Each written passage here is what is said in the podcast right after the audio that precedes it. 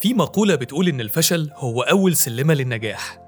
وبما إننا بنتكلم عن الفشل خليني أحكي لك حكاية بطلتها شابة إنجليزية عندها 25 سنة. كانت موهوبة في حاجتين الحواديت والفشل. إيه اللي جاب القلعة جنب البحر؟ هقول لك كل حاجة بس بعد الانترو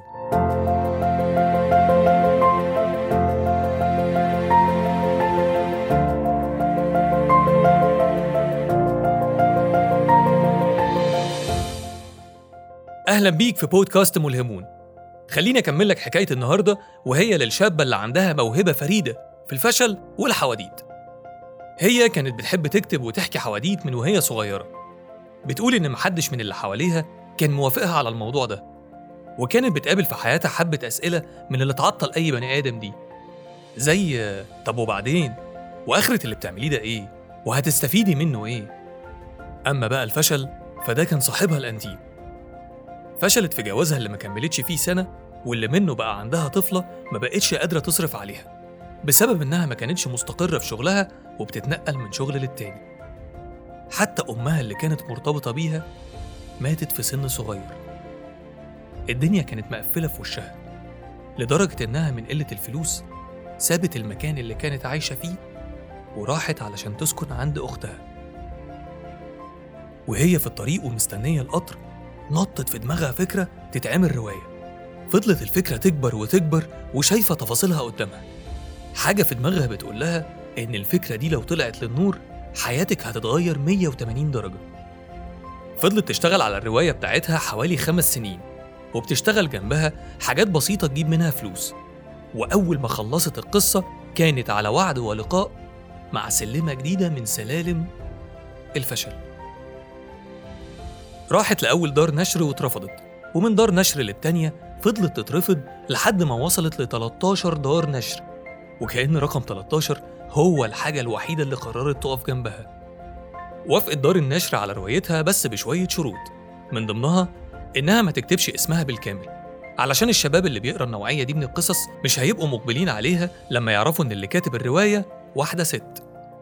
وافقت صاحبتنا على أمل إن يبقى في تغيير وبرضه لسه الدنيا مقفلة في وشها. لدرجة إنها فكرت كتير إنها تنتحر. ولما خلاص يئست حصل اللي عمرها في حياتها ما كانت تحلم بيه.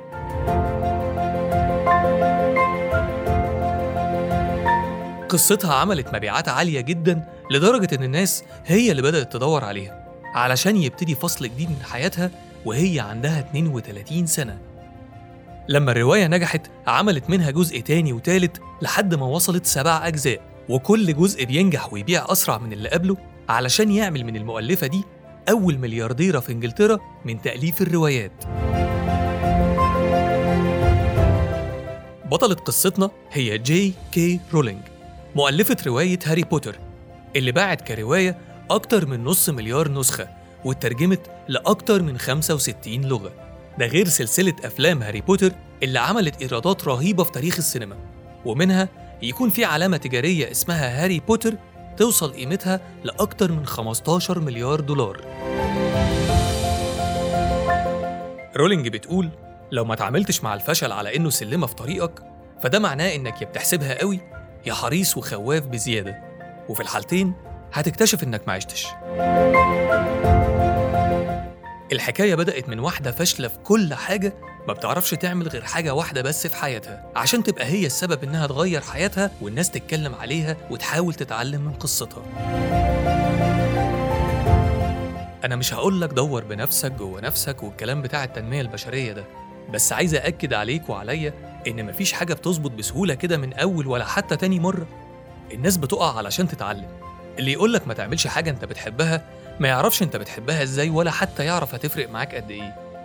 ولو قعدت بسبب كلام الناس أنت كده بتصلح غلط إنك سمعت بغلط إنك وقفت.